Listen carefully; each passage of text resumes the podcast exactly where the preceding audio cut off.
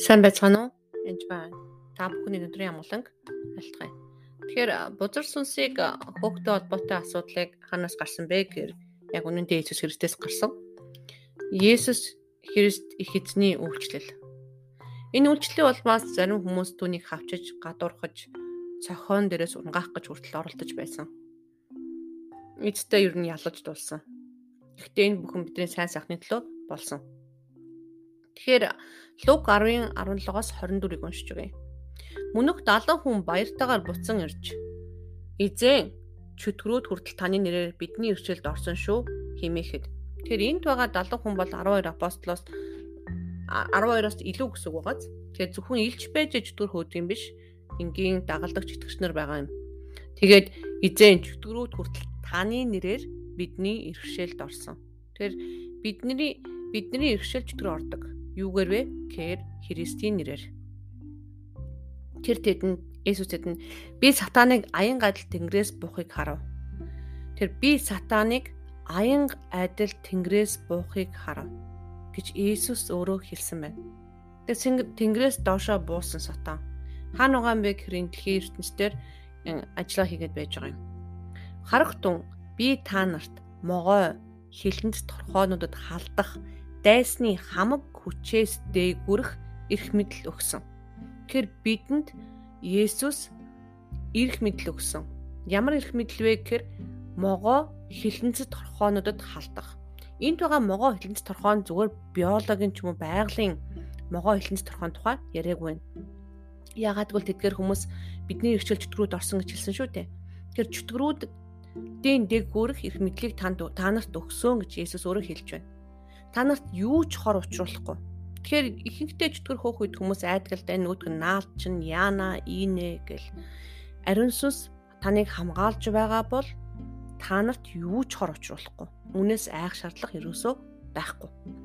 Гисэн хэдий ч сүнснүүд эрхчээл чинь орсон гэдэгт та нар бүү баярл. Харин нэр чинь тэнгэрт бичигдсэн гэдэгт баярлахтун гэв.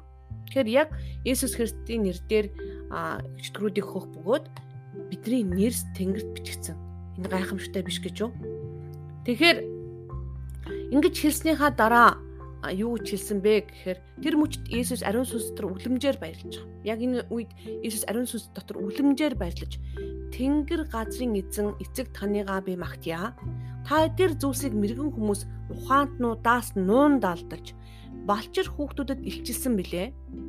Тэгэхээр зарим мэрэгэн хүмүүс зарим ухаантнууд энэ бүхнийг илчлэгддэггүй байх нь мэддэггүй байх нь тантаа маргалдах нь тэрнээс битгийс наазав. Тэмээ эцэг минь ингэхэн таны мэлмий тааламжтай байсан. Бүх юмсыг эцэг минь надад өгсөн.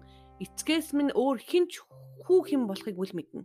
Хүүгээс өөр хинч мөн хүү өөрийнхөө илчлэхийг хүссэн тэр нэгнээс өөр хинч эцгийн хэм болохыг үл мэднэ гээд шавнар руугаа иргэн тэдэнд тусдна.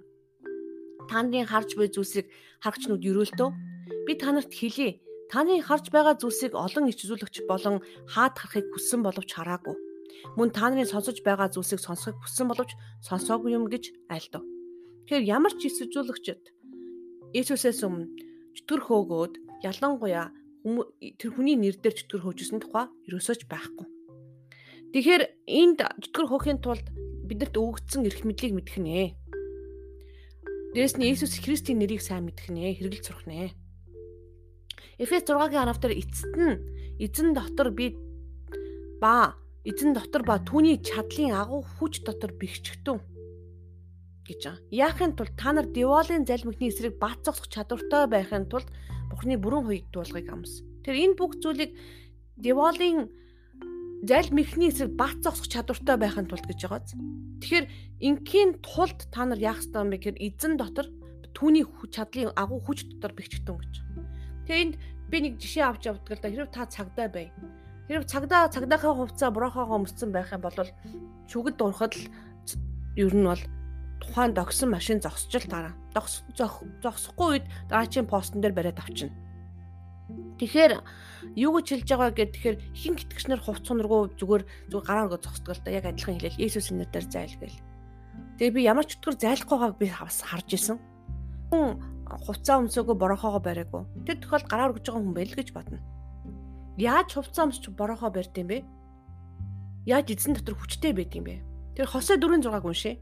Та нар миний ард түмэн гэж байгаа. Миний ард түмэн гэж юу гэсэн юм? Зүгээр итгэж биш хүмүүсийг хэлээгүү.